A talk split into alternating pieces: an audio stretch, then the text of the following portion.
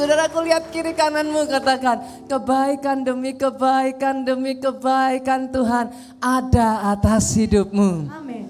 Amin saudaraku. Boleh saya dengar aminnya lebih dahsyat lagi? Sekali lagi tepuk tangannya yang paling meriah buat Yesus Tuhan. Kita silakan duduk jemaat Tuhan. Yang saya lihat pagi hari ini ketika saya melihat wajah saudara, saya melihat ada kebaikan Tuhan di sana. Ketika saya melihat wajah saudara, saya tahu Tuhan itu baik. Ketika saya melihat satu demi satu di tempat ini saudaraku, bahwa saudara ada di tempat ini saja, kita tahu dia baik. Kita masih diberi nafas, kita masih diberi kesempatan, kita masih diberi kekuatan hari ini. Itu sebabnya saudaraku apa pun yang saat ini saudara alami, saya tidak tahu satu demi satu perjuangan saudara di dalam kehidupan.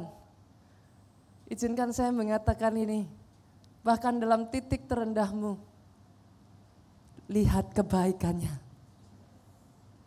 Di saat engkau sukar sekali seolah-olah saudaraku. Berkata bahwa Tuhan itu baik.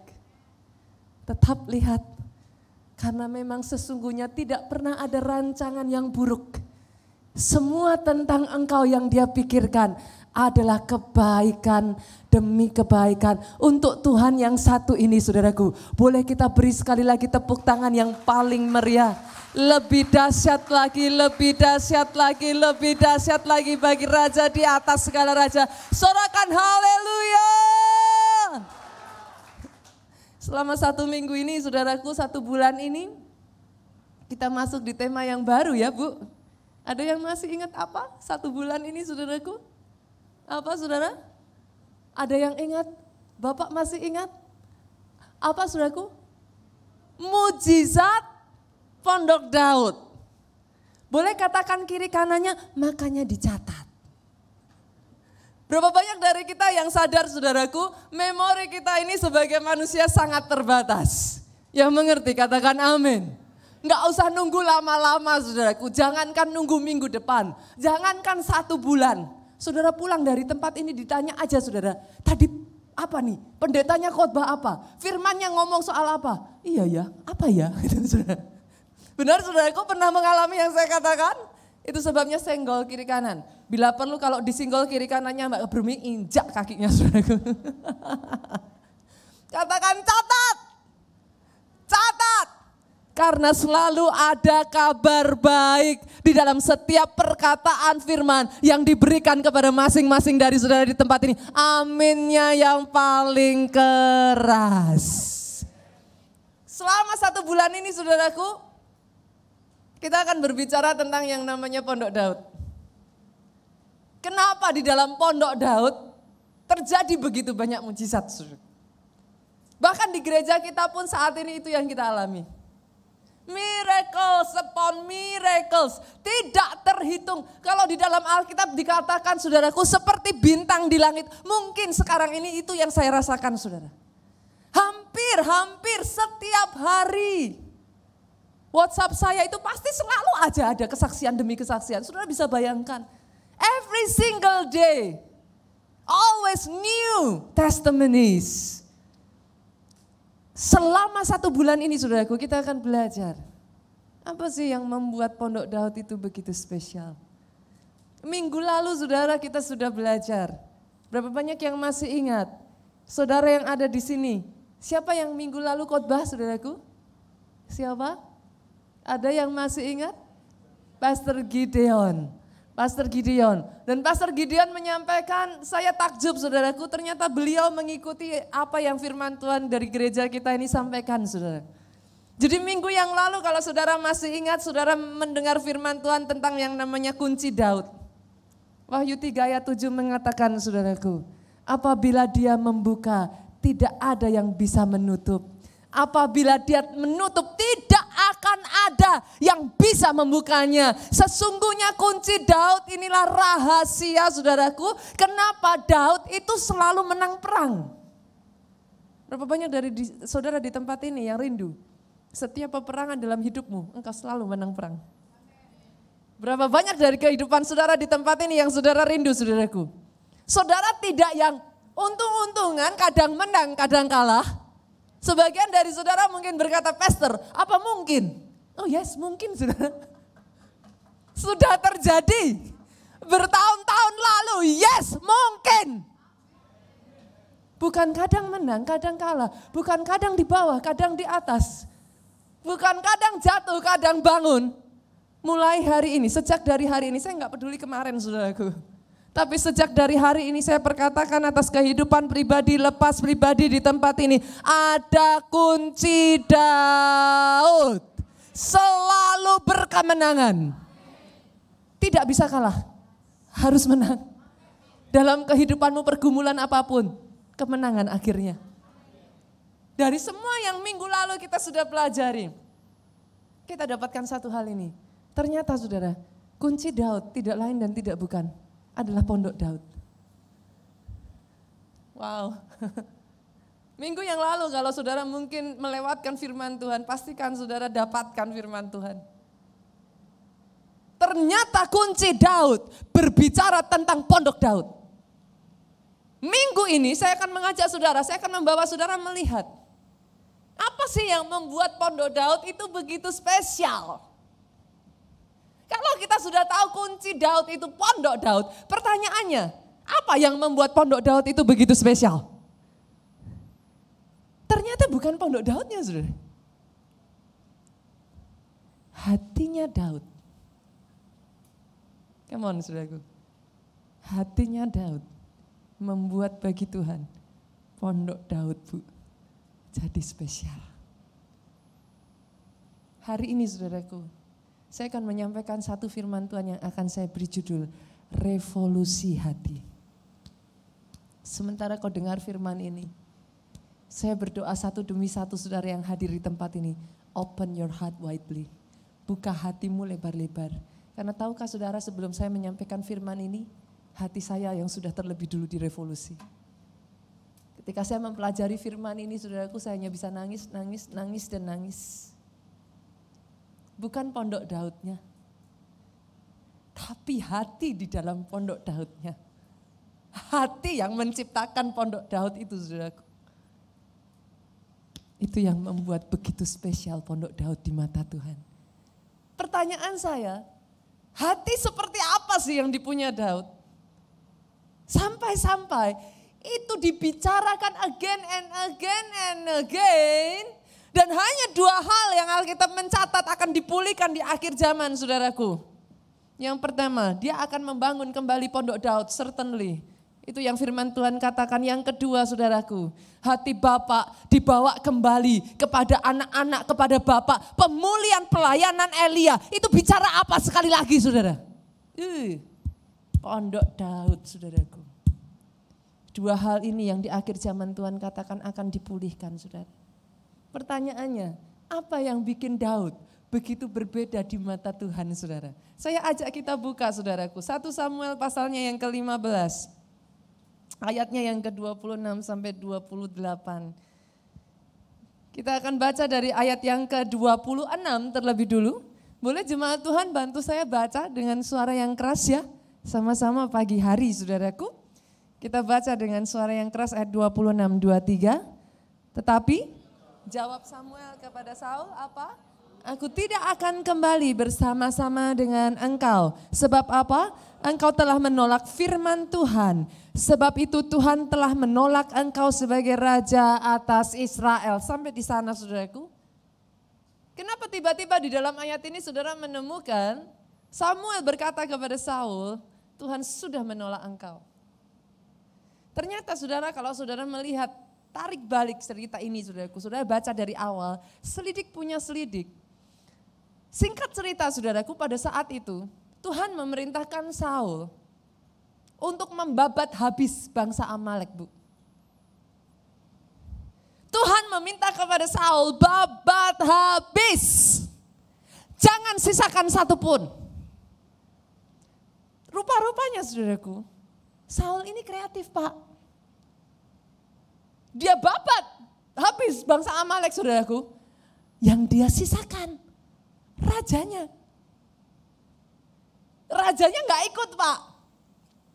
Dia sisakan rajanya, dia pikir sayang. Dan tahukah saudara apa yang dia sisakan saudaraku? Dia sisakan semua ternak, lembu, sapi, kambing, domba yang tambun dan gemuk-gemuk saudaraku. Apa perintah Tuhan? Pak Abad habis. Saul kreatif saudaraku. Ketika Elia, eh, ketika maaf saudaraku, Samuel bertanya kepada Saul, apa jawaban Saul? Saul ngomongnya nggak salah loh saudara. Tuhan, kan tujuanku sayang. Masa lembu sapi ikut-ikutan? Kan biarin bisa dipersembahkan sebagai persembahan untuk Tuhan. Maafkan saya saudaraku, izinkan saya katakan ini. 50% ketaatan tidak cukup. 75% ketaatan tidak cukup. Semakin banyak engkau mengerti, semakin banyak dituntut darimu. 90% ketaatan tidak cukup. Bahkan 99% ketaatan bu, tidak cukup. Singkat cerita sejak dari hari itu saudaraku, Saul ditolak oleh Tuhan. He demand total obedience. Berapa banyak dari saudara yang mungkin mendengar cerita ini dan saudara tertawa. Tetapi saudara berkata di dalam hati saudara, kok aneh ya Saul kenapa sih, apa sih susahnya disuruh babat habis ya babat habis aja gitu. Tapi berapa banyak sejujurnya kita pun mengalami dalam kehidupan kita nggak segampang itu loh saudaraku. Taat sama Tuhan 100% nggak segampang itu loh saudaraku. Berapa banyak dari kita setiap kita mau melangkah untuk taat, dalam hati kita berkata, tapi kan, Firman Tuhan jelas mengatakan, ayo hidup kita ini untuk melayani Tuhan. Tapi pastor, daripada nanti sakit hati lagi. Lebih baik duduk tenang manis. Yang penting kan saya terus setiap hari minggu ibadah. Yang mengerti katakan amin. Kalau itu bukan saudara katakan amin yang lebih keras. Coba senggol kiri kanan saudara katakan, saya tahu itu bukan kamu. Senggol kiri kanan lagi saudaraku. Jabat tangannya dan kali ini berkata saudara kepada kiri kanan saudara, selamat kamu bagian dari pelayan Tuhan GBI keluarga Allah. Boleh tepuk tangannya yang paling meriah buat Yesus Tuhan kita. Nggak gampang loh saudara, kadang total obedience is not so easy as we Tapi dalam semuanya ini kita belajar. Pertanyaannya saudaraku, ketika kita baca ayat ini, apa sih yang begitu berbeda dengan Daud? Kenapa? Tuhan itu sampai jatuh cinta kepada Daud, saudaraku. What is it about him? Sejujurnya saudara, kalau saudara bicara tentang yang namanya perawakan, saudara bicara semuanya lah tentang Saul, saudaraku. Jujur saudara, Samuel itu bahkan mungkin berpikir dalam benaknya sudah. Susah loh cari orang seperti Saul sudah. Benar. Saudara kalau baca siapa Saul, saudara kan tahu. Masih ingat sudah, ketika Samuel pertama kali panggil semua anak-anak Isai, saudaranya Daud. Yang dicari Samuel apa sudah? Masih ingat ketika anak pertama lewat, Samuel bilang apa dalam hatinya? Itu apa sudah? Kenapa sampai Samuel bilang seperti itu? Karena dia berpikir setidaknya orang ini harus lebih baik dari Saul. Tapi Samuel miss the whole point. Dia melihat saudara Daud yang pertama, kakak tertua Daud. Dan dia berkata, mungkin yang ini. Kenapa saudaraku? Kenapa dia katakan itu bu? Alkitab mencatat di dalam 1 Samuel pasal 9 saudara. Saudara bisa melihat, Saul itu saudaraku, Pak, dia itu berasal dari keluarga yang sangat berada Pak. Jadi kalau saudara compare Saul dengan Daud, Daud itu nggak ada seberapanya bu sama Saul. Nggak ada apa-apanya. Kalau orang Jawa, saya nggak tahu di Jakarta ini saudaraku, saudara mengenal nggak yang namanya bibit bebet bobot? Kenal ya, pernah dengar itu ya. Kalau cari pasangan hidup cari apa? Bibit, bebet, bobot. Dilihat dari tiga-tiganya ini saudaraku, Saul itu tidak bercela saudara. Samuel sampai di titik berpikir, mana bisa dapat raja sebaik Saul. Itu sebabnya kalau saudara memperhatikan Samuel itu sebenarnya sedih sekali. Harus kehilangan Saul. Karena benar-benar Saul itu hampir bisa dikatakan Bu, perfect. Secara penampilan Bu, Alkitab mencatat di antara sebangsanya Saul itu wajahnya paling ganteng Bu. Mungkin kalau saudara lihat zaman sekarang siapa ya saudara ya? Zaman sekarang siapa sih? Siapa saudaraku? Siapa? Siapa namanya? Siapa saudara? Kayaknya udah bukan zamannya Brad Pitt lagi deh. Siapa saudara? Itu yang namanya pe, pemainnya, pemainnya apa namanya? Siapa? Siapa? Oh ya, Chris Hemsworth katanya. Terus yang itu loh saudaraku yang main apa namanya? Apa sih filmnya yang laut itu apa namanya? Siapa? Aquaman. Siapa tuh yang main Aquaman tuh? Siapa? Aduh Pak, kayaknya sama-sama suka nonton ya Pak ya. Mungkin kalau saudara bayangin kira-kira lah deket-deket lah saudara sama pemainnya Aquaman saudaraku. Kenapa saya katakan demikian? Di generasi Saul saudaraku. Saul itu dikatakan dalam Alkitab, dia itu tertinggi. Setiap dia berdiri saudaraku, orang-orang lain, dia lihat orang lain, itu hampir mungkin sepundak setelinganya saudara. Secara penampilan, secara semuanya saudaraku, Daud jelas-jelas sudah kalah bersaing saudara. Enggak ada apa-apanya dibanding Saul. Pertanyaannya sekarang, kenapa kok Tuhan jatuh cintanya sama Daud? Kita buka ya, kita lihat ya. Apa sih tentang Daud ini saudaraku? Kok sampai-sampai orang semacam Saul aja bisa kalah saudara? 1 Samuel 13 ayat 14. Kita lihat. Saya bacakan buat saudara. Tetapi sekarang kerajaanmu tidak akan tetap. Ini kata Samuel kepada Saul. Tuhan telah memilih seorang yang berkenan di hatinya dan Tuhan telah menunjuk dia menjadi raja atas umatnya.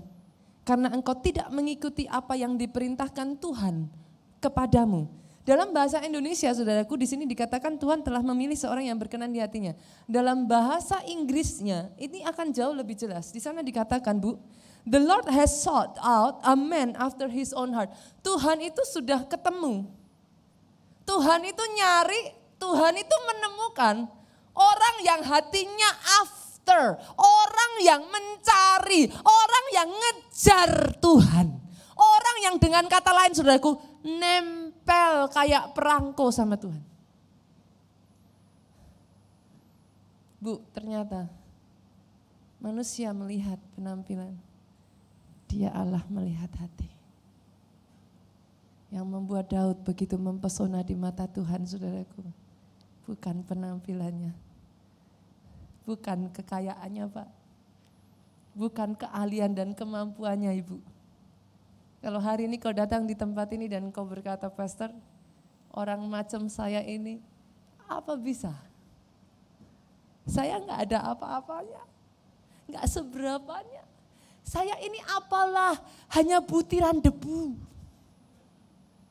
Banyak orang kan zaman sekarang sukanya ngomong gitu ya saudaraku, apalah saya ini, hanya butiran debu. Tapi dengar saudara, butiran debu, butiran debu kalau di dalam dirimu saudaraku dia menemukan ada hati yang melekat, ada hati yang mati-matian, ada hati yang mengejar mencari dia. Kualitas hatinya Daud yang membuat pondok Daud begitu spesial di mata Tuhan. Saya berdoa hari ini saudaraku, di tengah-tengah saudara di tempat ini. Tuhan tidak perlu mencari ke tempat lain lagi saya berdoa dia menemukan orang-orang yang seperti Daud ini di tempat ini. Pagi ini saya berdoa Pak. Kau boleh bukan siapa-siapa. Orang boleh meremehkan engkau. Orang boleh melihat saudara dan mereka berkata, "Neh." Tapi ketika dia temukan kualitas hati itu, dalam kehidupanmu. Saya berdoa hari ini ada orang-orang di tempat ini yang mengalami terobosan demi terobosan demi terobosan demi terobosan dalam kehidupan saudara di tempat ini. Kenapa? Karena kualitas hatimu menentukan terobosan Tuhan atas hidupmu. Oh saya ulang saudaraku. The quality of your heart determines the breakthrough in your life. Pertanyaannya kualitas hatinya Daud itu kayak apa sih saudara? Masih ingat? Di depan sekian juta bangsa Israel saudaraku. Ada satu orang raksasa yang berani berdiri dan mencemooh nama Allah yang hidup. Siapa namanya? Goliat. Saudara harus tahu loh saudaraku. Adalah satu pertanyaan besar. Pada saat itu tidak ada satu bangsa Israel pun yang berani maju menghadapi Goliat. Kenapa saya katakan demikian?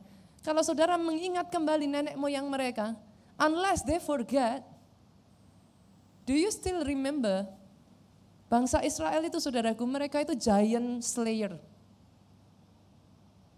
Pastor, buktinya apa? Loh, kok susah-susah? itu yang me, me, me, mendiami Hebron, saudara. Siapa mereka? Yang tinggal di Hebron, itu siapa kata firman Tuhan, saudara? Raksasanya raksasa. Mereka raksasanya kaum enak, saudaraku. Dan saudara jangan lupa, di saat itu, saudara jangan berpikir bahwa raksasa itu doesn't exist, loh, saudara. It does. Sama seperti dinosaurus, raksasa itu real. Di zaman itu saudaraku, bangsa Israel kerjaannya mereka itu sudah terbiasa bunuh raksasa saudara. Nenek moyang dari Daud itu pembunuh raksasa. Bagaimana bisa dari dua juta orang tidak ada satupun yang berani menghadapi Goliat saudara. They forget who they are. Mereka lupakan siapa jadi diri mereka saudaraku. Saya berdoa hari ini tidak ada satupun di tempat ini yang saudara melupakan siapa diri saudara di hadapan Tuhan. Kualitas hati seperti Daud. Kenapa hati Daud itu begitu spesial di hadapan Tuhan, saudaraku? Di antara semua orang tidak ada satupun yang berani maju. Daud maju, dia marah besar. Siapa orang yang berani mempermalukan, mencaci maki Tuhan Allahku yang hidup. Buat Tuhannya dia habis-habisan. Saudara. Kalau itu sudah bicara untuk Tuhan saudara. Hmm. Daud yang nomor satu maju ke depan saudaraku. Kalau itu sudah bicara tentang Tuhan. Daud nomor satu maju lebih dulu. Orang lain boleh nggak percaya Tuhan. Orang lain boleh meragukan rencana Tuhan. Tapi saya berdoa, saudara di tempat ini tidak ada satupun di antara saudara yang sama seperti bangsa Israel yang mundur teratur ketika melihat masalah saudara. Saya berdoa di tempat ini ketika kau melihat giant di dalam kehidupanmu.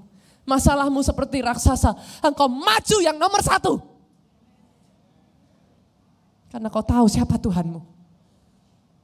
Kenapa hati Daud begitu spesial saudaraku? Ketaatannya. Sejak dari masa kecilnya saudaraku. Ketaatan Daud, kesetiaan Daud, keberanian Daud.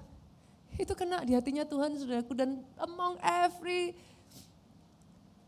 quality dari semua kualitas hatinya Daud. Satu hal ini yang Sampai menyentuh Tuhan habis-habisan saudaraku. Daud, kalau sudah buat Tuhan, dia all out. Bu, dia all out. Dia nggak pernah setengah-setengah untuk Tuhan, saudaraku. Yang namanya menyembah buat Daud itu gaya hidup.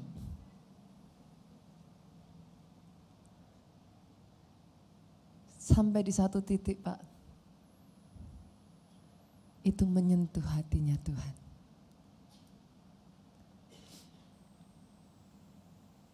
Tahukah saudara begitu rupanya saudaraku? Daud itu sampai menyentuh hatinya Tuhan. Ada satu ayat kalau saudara baca, nanti kita baca sama-sama saudara.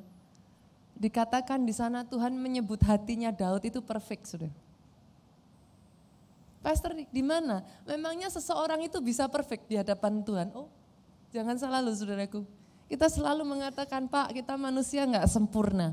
Betul kita nggak sempurna, Pak. Tapi ada satu momen di mana Tuhan pernah menyebut seseorang sempurna, saudara. Saudara mau buktinya? Kita buka saudara. Kita lihat ayatnya. Dalam satu Raja-Raja pasal 11 ayatnya yang keempat. Satu Raja-Raja pasalnya yang ke-11 ayatnya yang keempat. Sama-sama ya, kita buktikan. Nanti kalau saudara bingung, saya akan tunjukkan saudaraku. Di titik mana kok bisa disebut hatinya Daud itu sempurna. Ayat yang keempat kita baca sama-sama, dua, tiga. Sebab pada waktu Salomo sudah tua, istri-istrinya itu mencondongkan hatinya kepada Allah-Allah lain sehingga ia apa? Tidak dengan sepenuh hati berpaut kepada Tuhan Allahnya seperti Daud ayahnya. Mungkin saudara baca ayat ini dan saudara bingung. Di mana ada kata perfect sempurna di sana? Enggak ada pastor.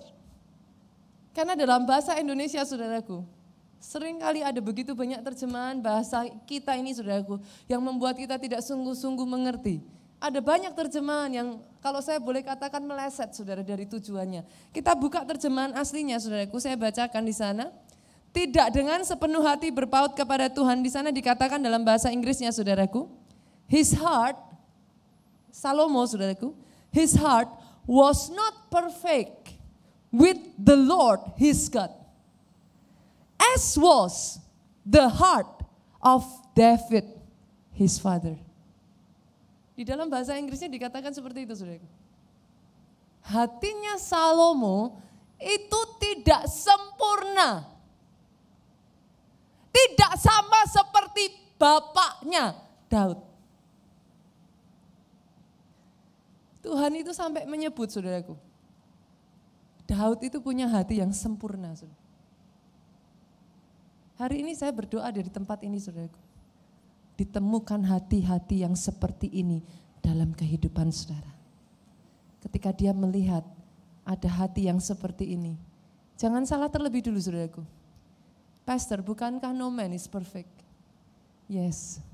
Tapi tahukah saudara? Tahukah saudara? Ada yang Daud lakukan yang membuat dia disebut punya hati yang sempurna. Saya akan ajak saudara melihat lebih lanjut saudaraku. Oh ayat firman ini saudara benar-benar sudah sungguh-sungguh sudah memberkati saya. Hari ini saudara kalau boleh saya minta satu hal. Saudara boleh lupakan yang lain-lainnya saudara. Tapi yang saya minta dari saudara pagi hari ini, katakan kepada Tuhan ini, lagu yang kita nyanyikan tadi. Selidiki aku, lihat hatiku, apakah ku sungguh mengasihimu. Yesus, dia nggak butuh orang yang sempurna saudaraku.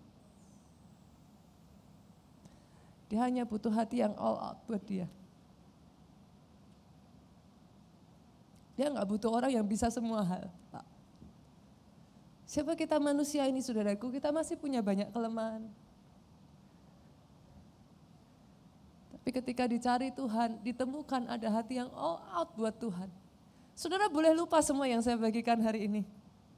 Tapi saya berdoa, hari ini terjadi revolusi hati di tengah-tengah kita. Kalau ada di antara saudara hari-hari ini yang suam-suam kuku, saya berdoa, Hati yang suam-suam digantikan dengan hati yang menyala-nyala untuk Tuhan. Kalau ada di tempat ini hati yang penuh dengan ketakutan, saya berdoa hari ini. Hati yang ketakutan. Karena tidak bisa melihat rencana Tuhan, ketakutan. Karena seolah-olah sudah akhir dari hidupmu hari ini kau dimampukan untuk melihat semua hal yang baik yang dari Tuhan, rancangan Tuhan ada untuk pribadi, lepas pribadi. Di tempat ini boleh saya dengar tepuk tangannya yang paling meriah buat Yesus Tuhan kita. Kenapa sampai hatinya Daud ini dikatakan perfect? Saudaraku, sesederhana. Ternyata saudara, gaya hidup Daud yang menyembah bu. Itu yang kena di hatinya Tuhan. Oh yes,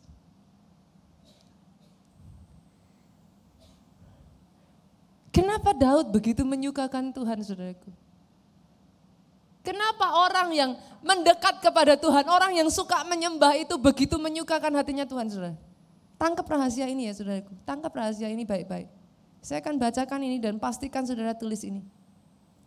Hidup yang selalu menyembah saudaraku, gaya hidup menyembah ternyata bisa meluruskan dan memurnikan hati kita. Saya ulang ya saudara.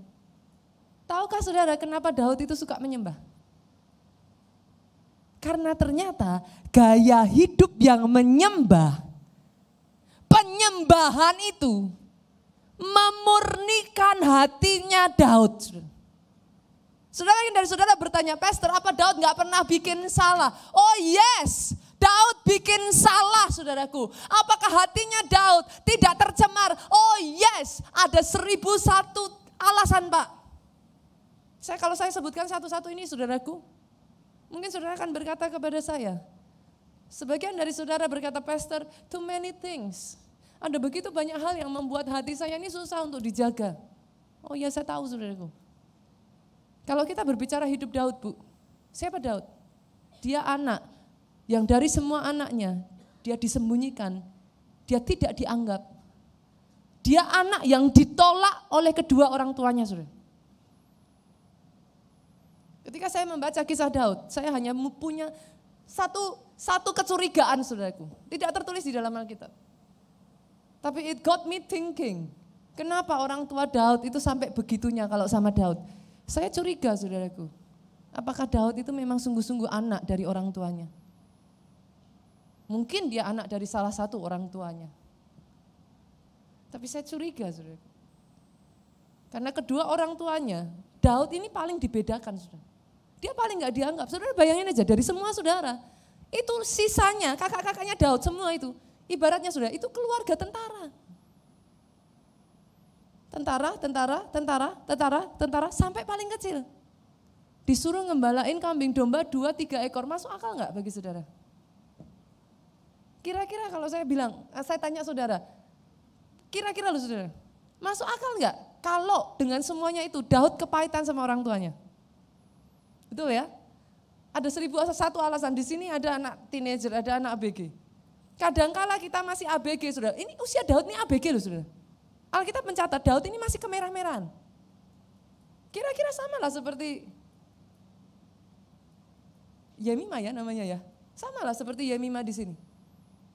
Enggak jauh-jauh saudaraku, usia Daud.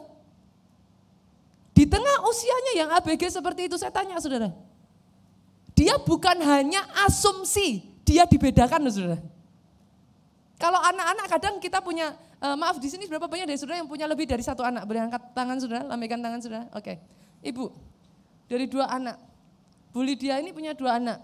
Kadang kala, ada nggak anak satu ngerasa dibedakan dengan anak yang ini?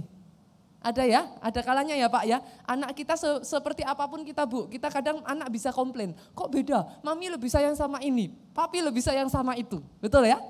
Tapi kalau Daud ini bukan asumsi saudara. kalau Daud Bu, kenyataan. Ya memang bukan dia merasa dibedakan, dia dibedakan. Itu saja sudah alasan saudaraku buat dia sakit hati. Dia bertumbuh dewasa saudaraku, sekarang bukan orang tuanya, mertuanya.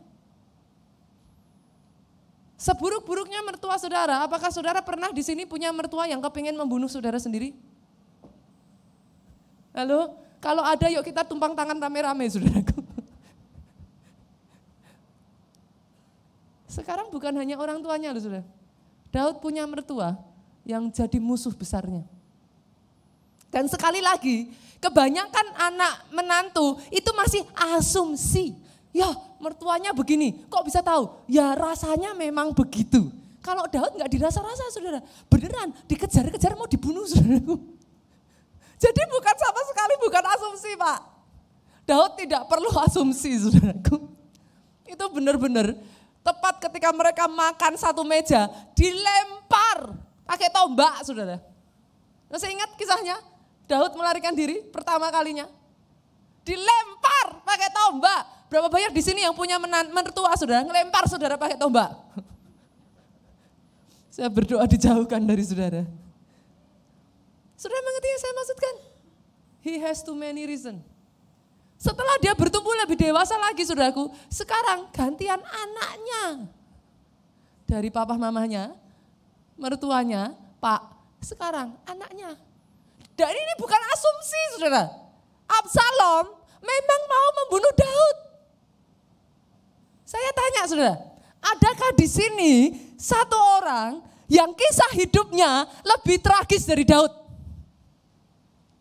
Saudara mau dibunuh, eh, saudara dibedakan oleh orang tua, sama mertua mau dibunuh, sama anak dikejar-kejar, tahtanya mau direbut. Ada nggak kira-kira yang kisah hidupnya lebih tragis? Senggol kiri kanan katakan, at least kita lebih baik kondisinya.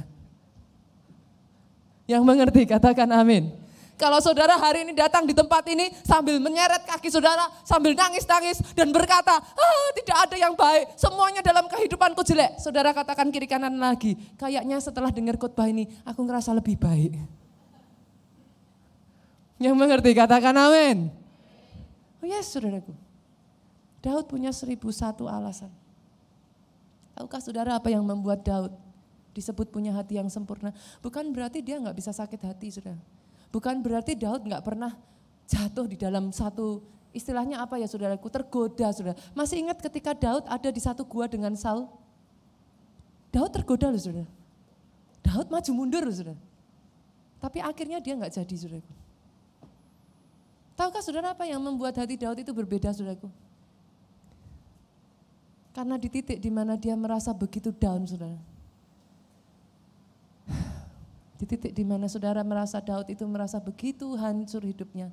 Orang lain udah nggak gereja-gerejaan lagi, orang lain udah nggak pelayan-pelayanan lagi, orang lain udah nggak Tuhan-Tuhanan lagi. Tapi Tuhan, tapi Daud saudaraku, dia berkata, pujilah Tuhan hai jiwaku. Itu Daud, pujilah Tuhan dengan segenap hatimu. Itu dia ngomong itu bukan dalam keadaan yang fresh. Bukan dalam keadaan di tengah dia ingin memuji Tuhan. Dia berkata, mengapa letih lesu berbeban berat hatiku. Pujilah Tuhan Allahmu. Itu Daud saudaraku. Pak, di saat di mana Daud ada di dalam begitu ketakutan yang begitu rupa saudaraku.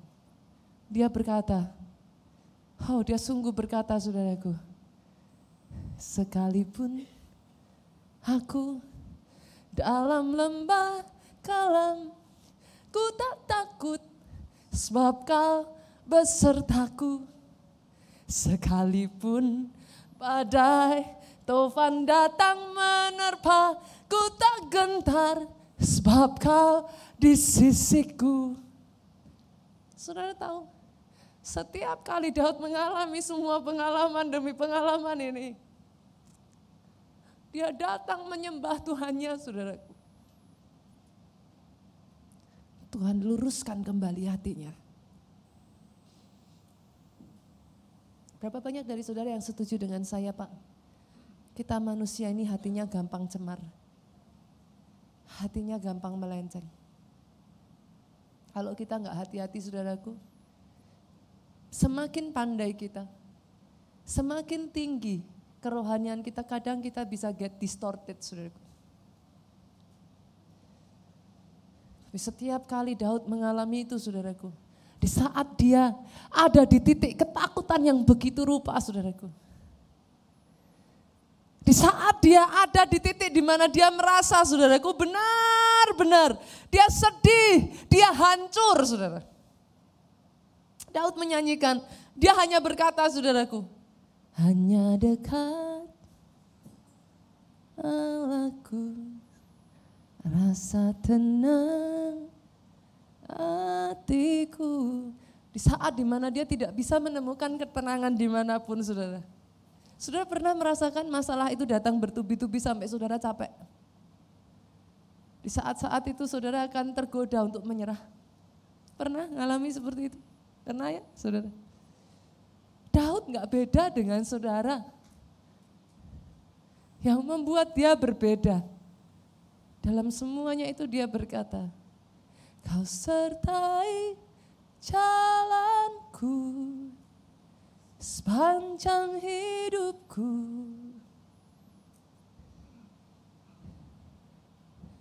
Tujuh kali dalam sehari Daud memuji-muji Allahnya. He find comfort. Bolehkah saya katakan ini saudaraku yang membuat Daud berbeda? Pak, ketika engkau memuji dan menyembah dia, Daud menemukan kompas rohaninya saudaraku.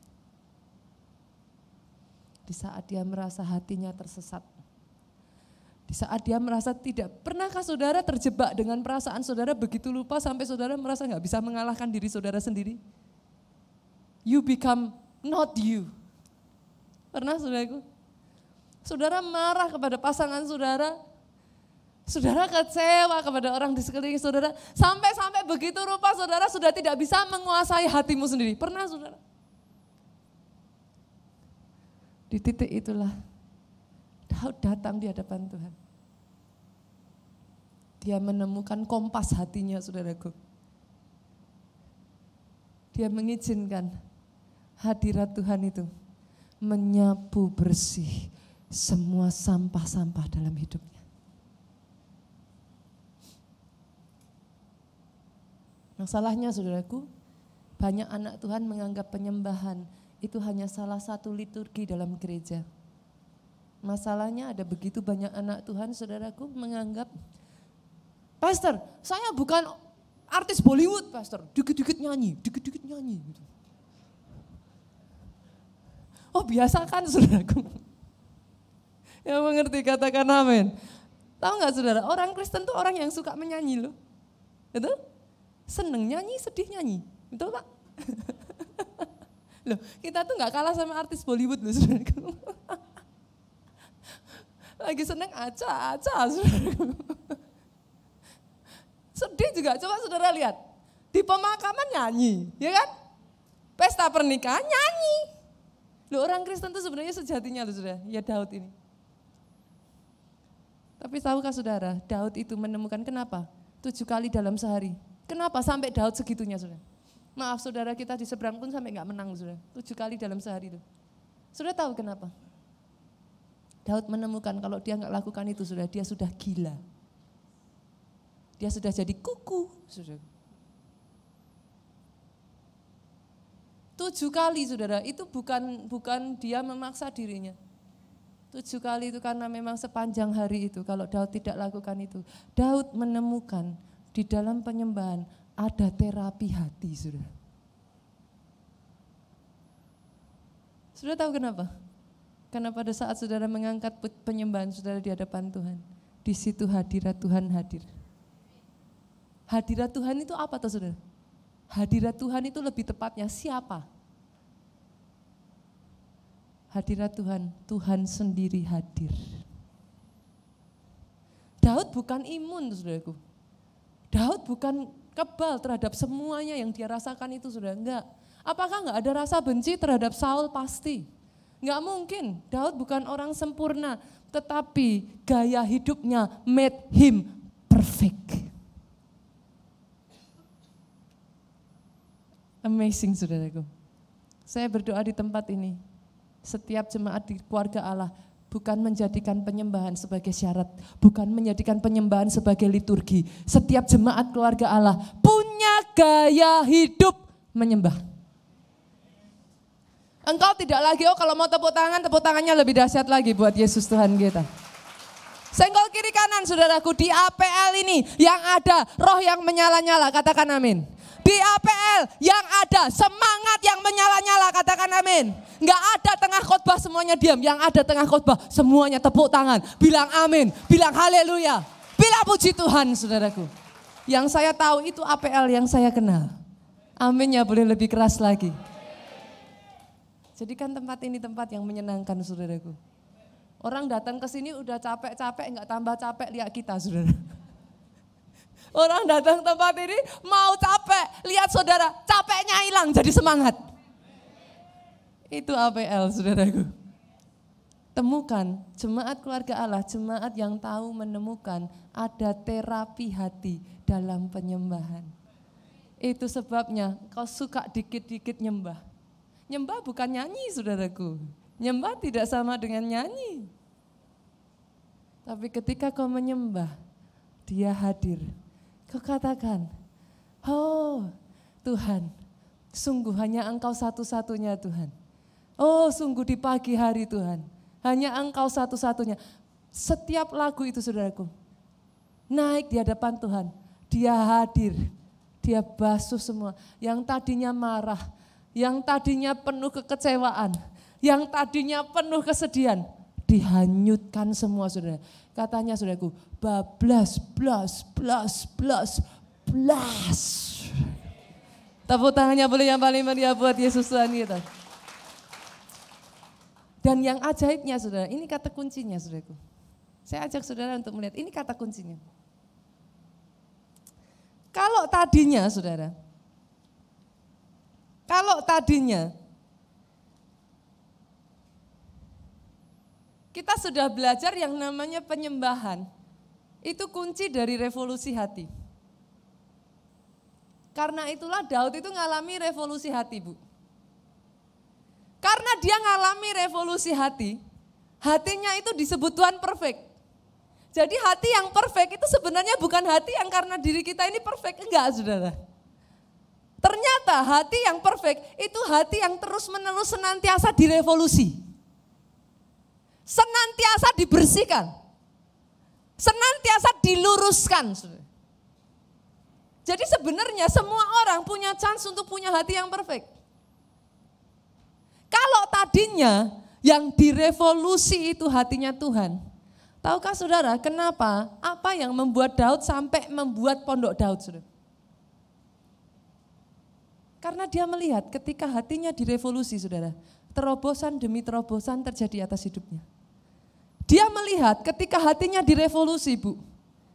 Hidupnya itu kemenangan demi kemenangan, demi kemenangan, demi kemenangan. Daud mulai berpikir, bagaimana supaya bukan hanya aku yang mengalami semuanya ini, tapi semua bangsa Israel mengalami hal yang sama. Itu sebabnya Daud membuat pondok Daud. Saudara bisa melihat sekarang, saudaraku. Kenapa Pondok Daud itu begitu spesialnya, begitu pentingnya buat Tuhan. Karena tadinya yang direvolusi Daud. Tapi sekarang bukan cuma Daud. Saudara tahu di zaman Israel, bangsa Israel itu enggak taat loh saudara. Saudara kemarin baca, saya khotbah di sini, zaman Hizkia. Masih ingat saudara, ayahnya Ahas, apa? Bangsa Israel itu meninggalkan Tuhan. Kenapa di zamannya Daud satu bangsa berubah sudah? Karena yang tadinya hanya Daud yang direvolusi. Sekarang mereka imam-imam disuruh Daud masuk pondok Daud semua sudah. Mereka yang tadinya hidupnya kering pak. Orang yang sudah mulai negatif sudah cek hidupnya pasti kering. Kalau saudara tidak bisa tidak selain berpikir kecuali yang negatif saudara. Cek. Saya nggak perlu susah-susah kok saudara, nggak perlu bernubuat. Sesederhana ini saudara, tanya sama kiri kanan saudara, masih doa enggak? Gampang kok. Saudara kalau lihat tiba-tiba ya saudaraku, istri saudara marah-marah, nggak ada apa? Orang Jawa bilang nggak ada juntrungannya saudaraku.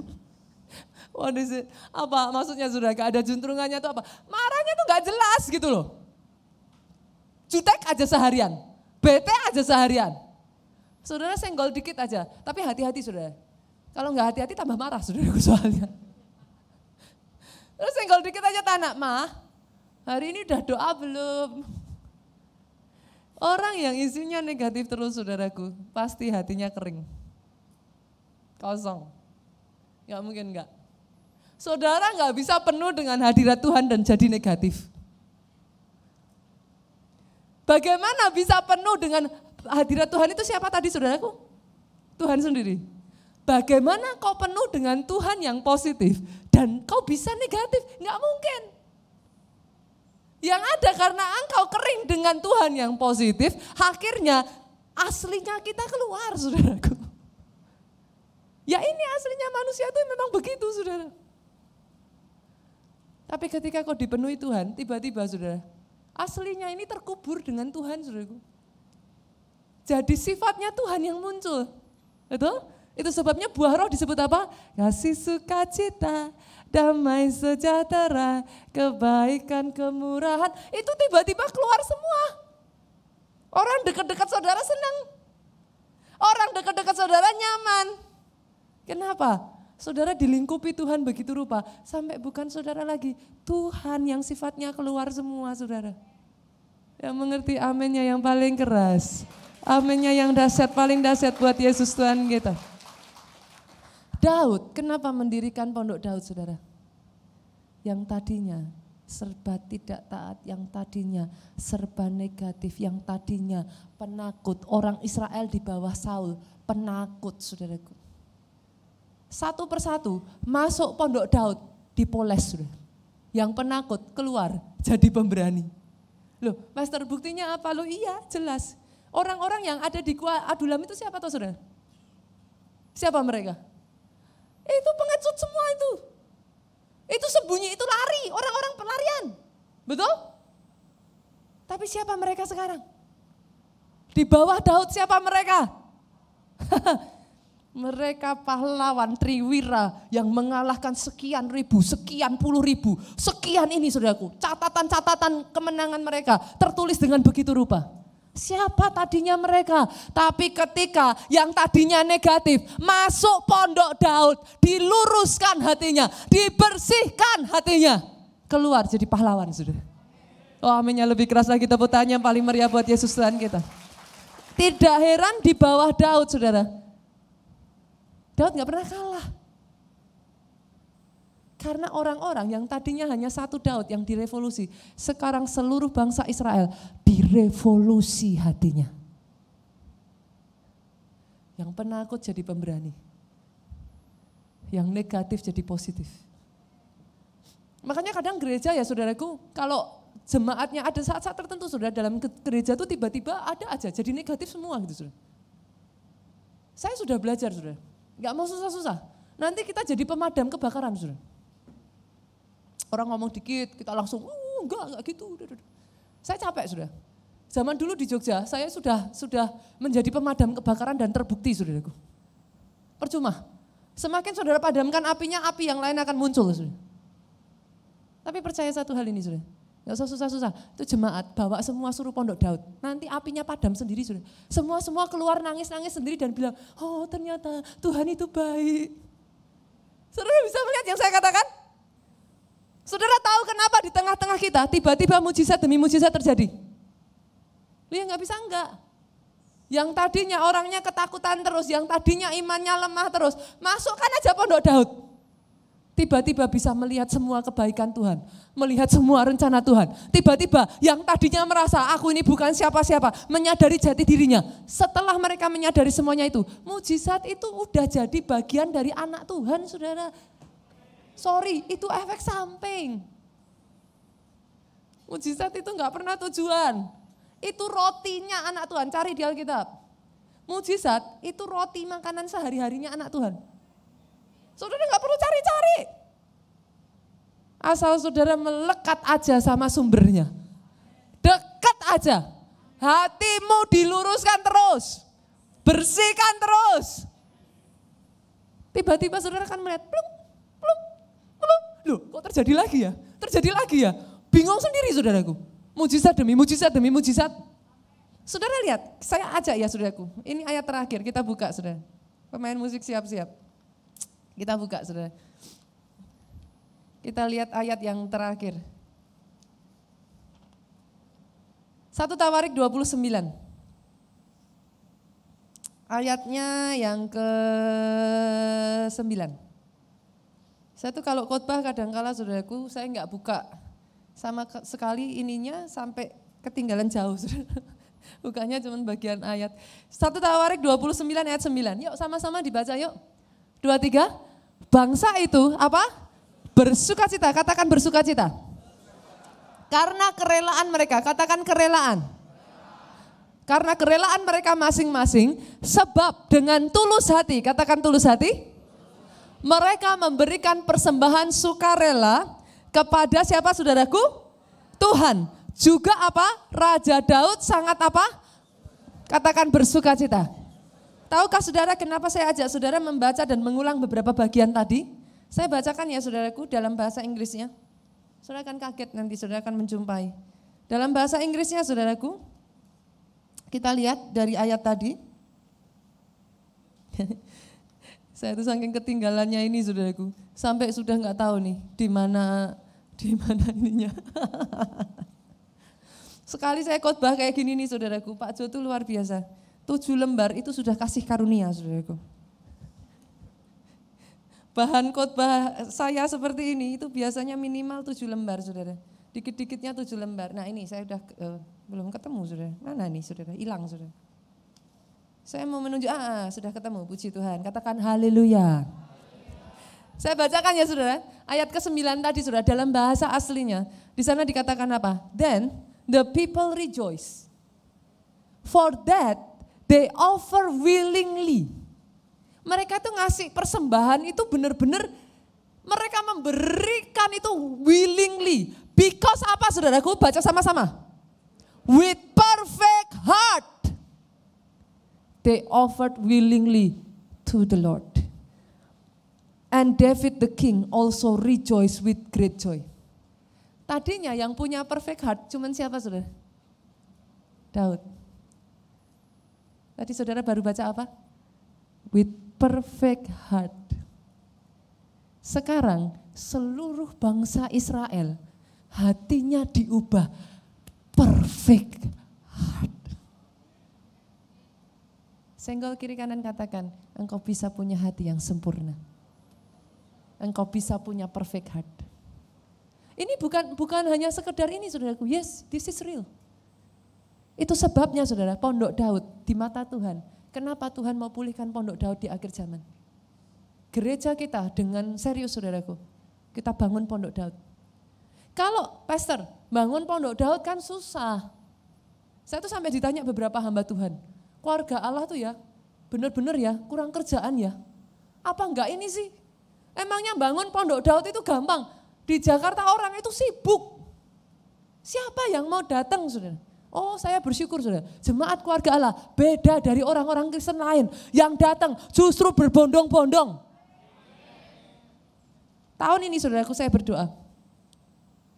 Pondok Daud itu memang gak gampang saudara. Saudara masih ingat ketika Daud itu membawa tabut perjanjian masuk, itu gimana caranya? Mereka mau cari gampang. Bener? Usah mereka tuh mau cari gampang, nggak mau susah, jauh kan? Dibawa dengan cara bagaimana awalnya? Didorong kereta. Lo biar gampang, enak atau sudah? Ya dorong gitu sudah. Banyak orang, banyak gereja suka cari gampangnya. Tidak mau bayar harga. Usah disambar sudah. Daud ketakutan. Tapi lucunya pada saat tabut perjanjian ini masuk ke Obed Edom, rumah Obed Edom diberkati. Daud mikir, aku harus bisa bawa tabut perjanjian. Sudah tahu caranya bawa gimana? Enam langkah korban. Kita semua tahu sudah, angka enam itu daging. Di pondok Daud, daging satu persatu dari kita dipangkas sampai jadi perfect heart yang membuat banyak orang Kristen saling satu dengan yang lain senggol-senggolan kenapa saudara? Ya sederhana, masih punya daging. Dicubit coba kiri kanannya, masih sakit. Saudara. Itu yang membuat banyak di antara saudara kecewa kan saudaraku datang ke gereja. Kecewa kan pelayanan? Kenapa? Ya semua masih daging. Tapi kalau dagingnya sudah disembelih semua, kan beres perkara saudaraku. dagingnya sudah dipersembahkan, ya sudah beres perkara. Saya berdoa dari tempat ini saudaraku. Kita mau bayar harganya untuk mendirikan pondok Daud atas kota Jakarta ini. Oh yes. Saya berdoa saudaraku, tahun ini kita angkatkan bukan hanya dua jam per hari, delapan jam per hari. Oh sungguhan saudara, saya serius. Tahun ini kita angkatkan delapan jam per hari. Pastor gimana caranya? Mbuh gak roh saudaraku. Coba senggol kiri kanan katakan, saya mau jadi orang yang setia di pondok Daud. Oh yes. Karena dibutuhkan saudara-saudara di tempat ini, saudaraku. Kita bisa bangun pondok Daud. Saya berdoa saudara dari tempat ini. Saudara nanti setelah pulang, tim admin boleh persiapkan. Bagi saudara yang rindu, Tuhan gerakkan di jam tertentu saudaraku. Kita akan mungkin mulai saudara dari jam 4 sampai jam 10 dulu. 6 jam. Setelah itu kita nanti akan pikirkan jam berikutnya yang 2 jam. Di antara saudara, kalau di waktu-waktu itu saudara bisa daftarkan diri saudara. Berani, nanti kita latih. Jangan khawatir. Saudara yang penting sediakan waktu. Memang saudara komit di hari itu, di jam itu, saudara harus masuk pondok Daud. Setidaknya dua jam masuk pondok Daud. Saudara. Dagingnya ini dipangkas sih semuanya. Saudara. Amin. Ketika daging sudah dipangkas, yang saudara akan dilihat kiri kanan kemuliaan demi kemuliaan demi kemuliaan, terobosan demi terobosan demi terobosan, mujizat demi mujizat demi mujizat. Jadi atas hidup saudara, bangkit berdiri jemaat Tuhan. Saya undang pemain musik, worship leader, singer maju ke depan.